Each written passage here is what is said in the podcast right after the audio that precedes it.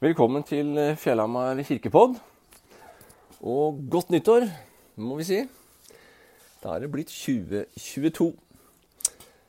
Jeg er eh, prest i Fjellhamar, heter Tor Martin Synes, og vil ha en preke nå fra søndag, andre søndag i åpenbaring 9. januar. Og teksten for eh, den dagen, det var fra det første kapittelet i Johannesevangeliet.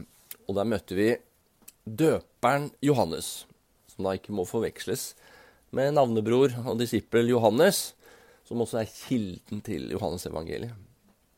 Døperen Johannes han var en doms- og omvendelsesprofet som holdt til ute i ødemarken. Han manet folk til å vende seg bort fra sine synder og vende seg til Gud gjennom å la seg døpe i vann. Og folk de strømmet ut til ham der ute i ødemarken for å høre ham og døpe seg. Også prester og fariseere fra Jerusalem som ville finne ut hva dette var som Johannes drev med, og hvem han var, reiste ut dit. Når de snakket med han var, og spurte han, så var døperen mest opptatt av å si alt han ikke var. Og når han var ferdig med det, så var det å peke på en annen som var mye større enn han, og som kom etter han. Litt sånn bukkene bruse. Ta ikke meg. For om, som han sa, døperen, hans oppdrag var å rydde vei for han som kommer etter ham, og som han ikke var verdig til å løse sandalremmen for. Og Dagen etter så skjer dette sceneskiftet.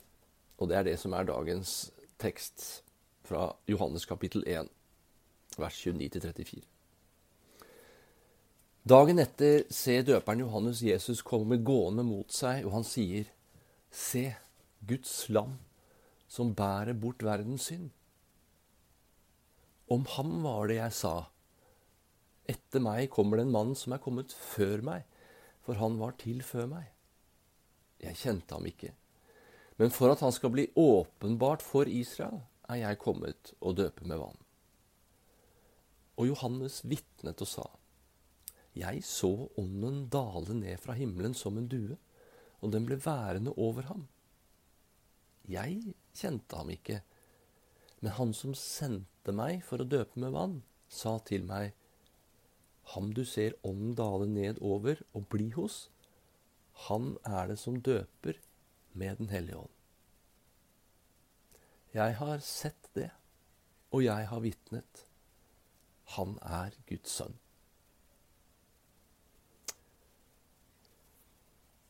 Det var evangelieteksten. Jeg er ingen stor kunstkjenner, men jeg har lest meg til at døperen Johannes i kunsten ofte blir fremstilt med en veldig stor pekefinger. Nettopp fordi hans oppgave var å peke på en annen Å peke på Jesus. Bort fra seg selv og på Jesus. Døperen hadde disipler. Men da Jesus startet sitt virke og trådte inn på scenen, som han gjorde her, i disse tider som vi leste nå, så pekte døperen Johannes på Jesus og sa til sine disipler.: Følg ham, ikke meg, for han skal vokse, og jeg skal avta. Så Johannes pekte på Jesus, eller som det sto i vår tekst, han vitnet om Jesus. Og i Johannes evangeliet er det å være et vitne veldig sentralt. Døperen er et vitne. Skriften, altså Gamletestamentet, er et vitne. Jesu egne gjerninger er et vitne. Den hellige ånd og Gud, Jesu far, er et vitne om hvem Jesus var Så mange har sett på Johannes-evangeliet som et sånt rettsdokument, hvor det ble ført vitner, med den hensikt at leseren skulle komme til tro på Jesus. Det greske ordet for å vitne og vitnesbyrd er martyre og martyria. Og ordet vårt martyr det betyr egentlig et trosvitne. Og da i særlig betydning av det å dø for sin tro Altså et blodvitne. Og den første da, martyren kan vi si her nå i Johannes evangeliet, eller trosvitnet, det er da døperen Johannes som vi hørte. Og Det er særlig tre ting han sier om Jesus i det vi leste. Han sier 'Se Guds lam som bærer bort verdens synd'. Og for en jøde så vekkes det mange assosiasjoner her. Under flukten fra Egypt, ledet av Moses, fra fangenskapet under farao, skulle israelsfolket fluktnakten slakte et lam og stryke blodet på dørkarmen, så dødsengelen skulle gå forbi den døra. Og så skulle de spise lammet i hast før de flyktet fra farao og ut av Egypt. Og Påskemåltidet har siden blitt feiret hvert år av jødene til minne om befrielsen og flukten ut av Egypt. Og det var i påsken Jesus ble korsfestet som det nye påskelammet, og hans blod rant i vårt sted. Guds lam som bærer bort verdens synd, det henspiller også på den årlige sonofferdagen i det jødiske folk, hvor ypperste presten på vegne av folket la alles folkets synder over på en geitebukk, og så drev man denne syndebukken, som man kalte den, ut i ødemarken for å dø og dermed bære bort og sone for alle folkets synder.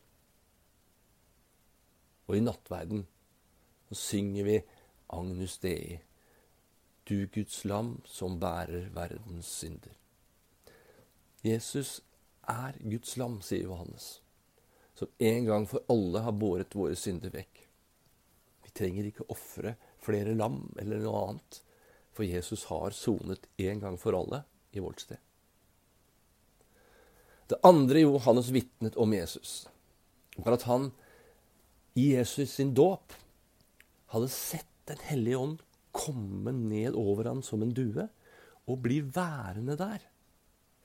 Og Dette at den ble værende der, vektlegges to ganger i teksten vår. Som får fram det at Jesus og Den hellige ånd de var ett. Og Jesus skulle da også døpe med Den hellige ånd. Jesus hadde Guds kraft, var ett med Guds kraft, med Guds hellige ånd. Og han skulle, når han døpte i hans navn, så gis Den hellige ånd til den som døpes. Han døper med Den hellige ånd. Og Det tredje han sier, og konkluderer med å si Johannes døperen om Jesus, her han sier 'Jeg har sett det', altså ånden kommer ned over ham, og jeg har vitnet han er Guds sønn. Jesus er Guds sønn. Selv om vi alle er Guds barn, så skjønner vi at Johannes døperen snakker om noe annet her. At Jesus er Guds sønn, den enbårne, ja, den eneste og unike, som det står i Johannes 3, 16. Han er med sin far. Han er sønn. Han er Messias og frelseren. Det andre som vitner i Johannes evangeliet, det var jo Skriften, eller hva Bibelens vitnesbyrd om Jesus. I kristen tro så lærer vi jo at hele Bibelen har Jesus som sentrum, og hele Bibelen vitner egentlig og forteller egentlig om Jesus som Guds sønn og Messias. Og særlig hele Gamle testamentet ser en kristen som et frampek, eller at man peker fram mot Jesus. Som da er oppfyllelsen av Gamle Testamentet, av profetiene og løftene. Han er den etterlengtede Messias, altså den nye Davidskongen. Og En annen tekst for den eh, samme søndagen den er fra Jesaja 53, om Herrens lidende tjener. Det skulle komme en lidende tjener fra Gud som forteller om hvordan skylden vi alle hadde, rammet Herrens lidende tjener. Og han, han åpnet ikke sin munn, lik et lam som førtes bort for å slaktes. Dette oppfyller Jesus. Bibelen forteller om Jesus. Gamle testamentet gjør det. Paulus var jøde, og han var fariseer. Og Det fortelles om han at, var mer, at han var mer brennende i sin tro som jøde enn de fleste. Og han var blant de mest iherdige i forfølgelsen av de første kristne. For det gjorde Paulus. Han forfulgte de første kristne. Men på vei til Damaskus så viste Jesus seg for Paulus i et sterkt lys og syn. Paulus ble omvendt, begynte å følge Jesus, han ble døpt. Og han ble vel kanskje den mest brennende, aktive apostelen for Jesus. Og i teksten i KLS-brevet, som også leses på denne søndagen, så leser vi ord til menigheten i Kolosserne. De ordene der antar man er en bekjennelse, eller en hymne, som blir brukt i de første kristnes gudstjeneste. Det var noe som alle de kristne samlet om og sa hver søndag. Og hva sa de der? De bekjente og vitnet om Jesus at han var fra begynnelsen. Han var med i skapelsen. Og at Gud ved Jesus har forsonet alt med seg selv. Helt fra den første spede starten etter Jesu og oppstandelse, de første kristne, så lærte man dette om Jesus og sa det hver søndag. Og siden har Kirkens vitnesbyrd, eller læren om Jesus, kristologien, den ble kjempa fram, særlig de første hundre årene, i en kamp med å forstå og sette sammen alle skal vi si, vitneutsagnene i Bibelen om hvem Jesus er hvem Messias er. Og når det for en del kanskje kjente kirkemøtet i Nikea i år 325 landet på en bestemmelse hvor på en måte kristendommen i løpet av noen tiår der gikk fra å være den forfulgte religion til å bli statsreligionen gjennom romerske keiser. Selv om de landet på en bestemmelse i det kirkemøtet, så var ikke det først og fremst et resultat av en politisk motivert maktkamp, hvor Kirken var en brikke. Eller indrekirkelige stridigheter som vektla ulike ting. Selv om disse tingene også rørte seg i bildet, selvfølgelig, på det kirkemøtet. Det er uunngåelig for en kirke å ikke være påvirket av det som rører seg i samfunnet rundt. For en kirke lever og virker midt i sin tid, også den gangen. Men når de landet på en lære om Jesus på det kirkemøtet, på noen veldig grunnleggende ting, så var det først og fremst fordi de måtte, den beste måten de kom til rette med det som sto i Bibelen, vitneutsagnene. Og da sa de Jesus han er både Gud og menneske. Et paradoks, egentlig en umulighet. Men når de leste Bibelen, og når vi leser Bibelen, så var Jesus kjøtt og blod tårer og svette, kropp og følelser. Og han var fra evighet av og med i skapelsen. Begge disse tingene sies så mye om og så tydelig i Bibelen. Han var frelseren, Guds lam og Guds sønn, og ett med Gud sin far. Og samtidig født av Maria og død på et kors. Men selv om Bibelens vitnesang var og er helt sentrale, fra de vitnene som levde sammen med ham, de som tok på ham, de som spiste med ham, Så under ham, hørte han tale. De som så Jesus ble korsfesta, og som la ham i, den, i graven død.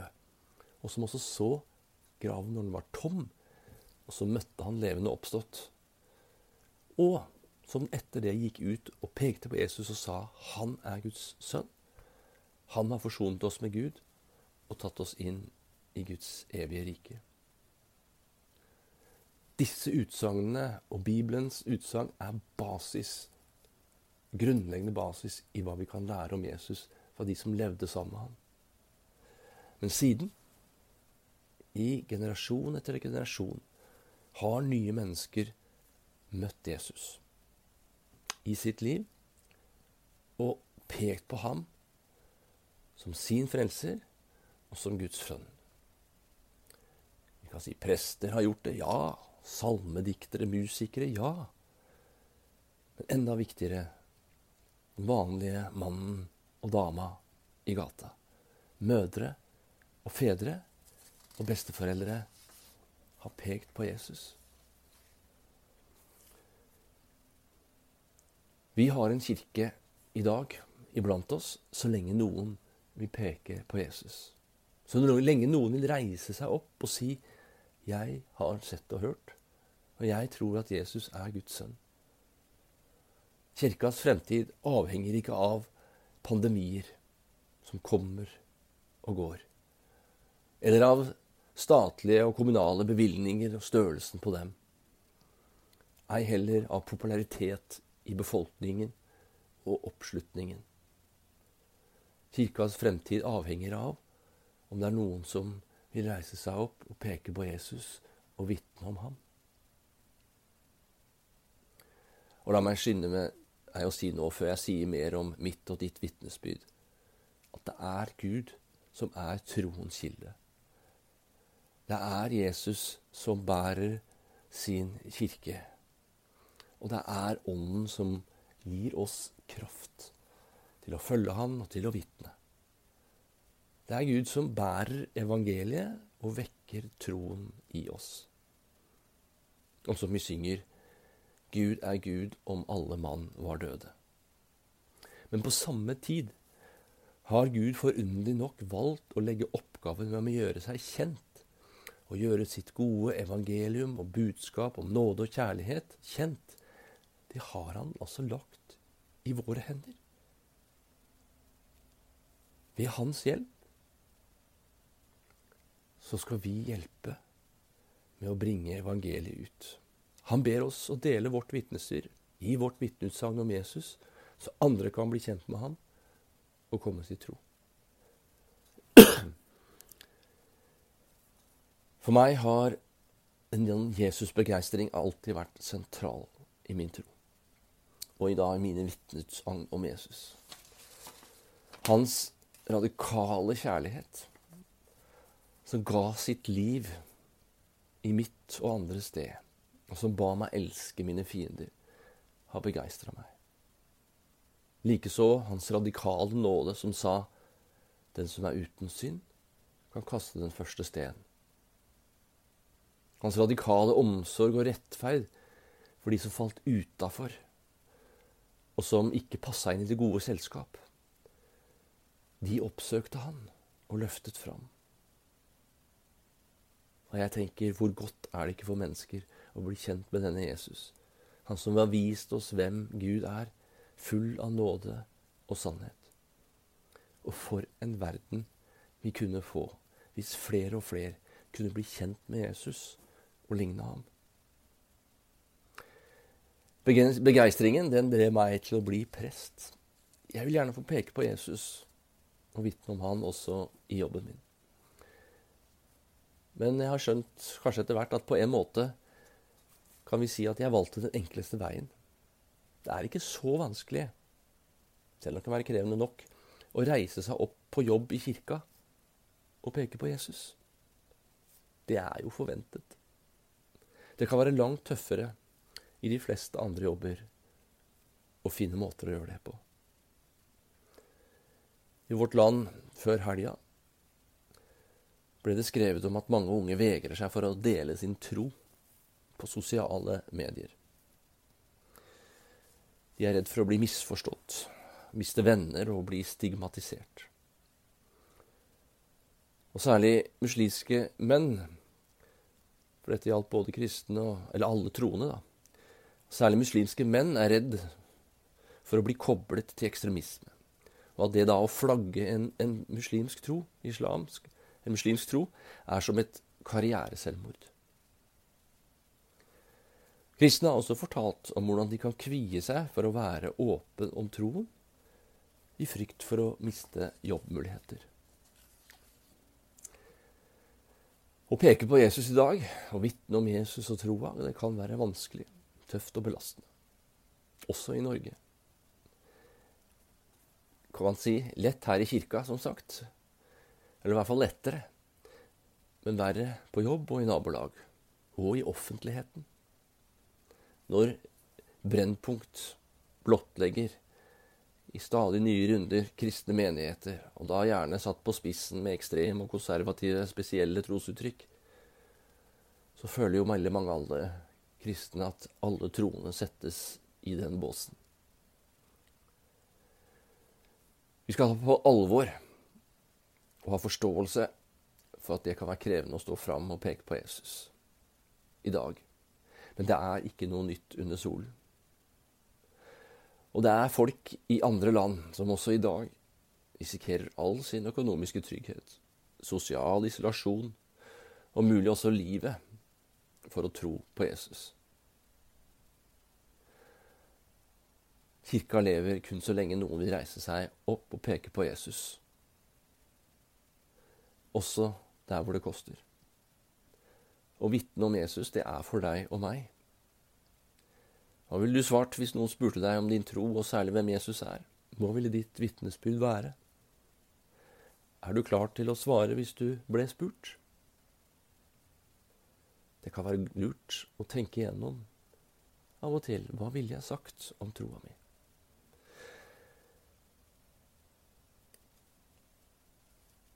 Så hva er ditt vitneutsagn om Jesus? Det handler ikke om hvor mye du kan om Jesus og det som står i Bibelen. At du forstår alt om tro, at du ikke synes noen ting er vanskelig med å tro. Nei, det er bare fint å kunne være åpen med at det er ting som er krevende. Men det handler om hvem du ønsker å peke på i og med livet ditt. Som den du er, med din tro, der du er kommet. For et personlig vitnesbyrd, det berører. Hva du føler, tror, opplever, tenker. Og det handler ikke om en bestemt måte alle må gjøre det på. På 70-tallet var min opplevelse Det var litt før min tid. Så skulle alle ut på gata med plakater og gitarer og evangelisere. Gå direkte bort til folk. I dag å gå til kirka og gudstjeneste en søndag, det er et vitnesbyrd med beina i fokus. Å vise omsorg til folk rundt oss. Gå en ekstra mil. Det kan peke på Jesu kjærlighet. Og ikke skjule i lønnspranten om hva man gjorde i helga, at du også var i kirka. Og si til en venn du snakker med, som strever, du gjerne vil be for ham eller henne. Å invitere noen med til kirka er et vitnesbyrd. Og også innimellom, når sjansen er der og muligheten god, være klar til å si noe om hva troen er og betyr for deg. Vi kan føle oss små i selv. Hva har vi å komme med? Heldigvis skal vi ikke komme med oss selv. Vi skal peke på en annen. Vi skal peke på en som er mye større. Vi skal peke på Jesus. Det er ham vi tror på. Det beste vi da kan gjøre, det er å søke fellesskap med ham, så vi kan fylle oss med ham, så han kan prege oss. Det kan vi gjøre i fellesskapet i kirka, i nattverden. Ved å gå inn i Bibelens fortellinger, lese fra Bibelen, meditasjon og bønn, både inne og ute, fra salmer og sanger, og mange andre steder. Og fylle oss med Jesus, så han kan prege oss. Og være med å gi kraft til at vi kan peke på Han med livene våre. Ta imot velsignelsen. Herren velsigne deg og bevare deg. Herren la sitt ansikt lyse over deg og være deg nådig. Herren løfte sitt åsyn på deg og gi deg fred. Amen.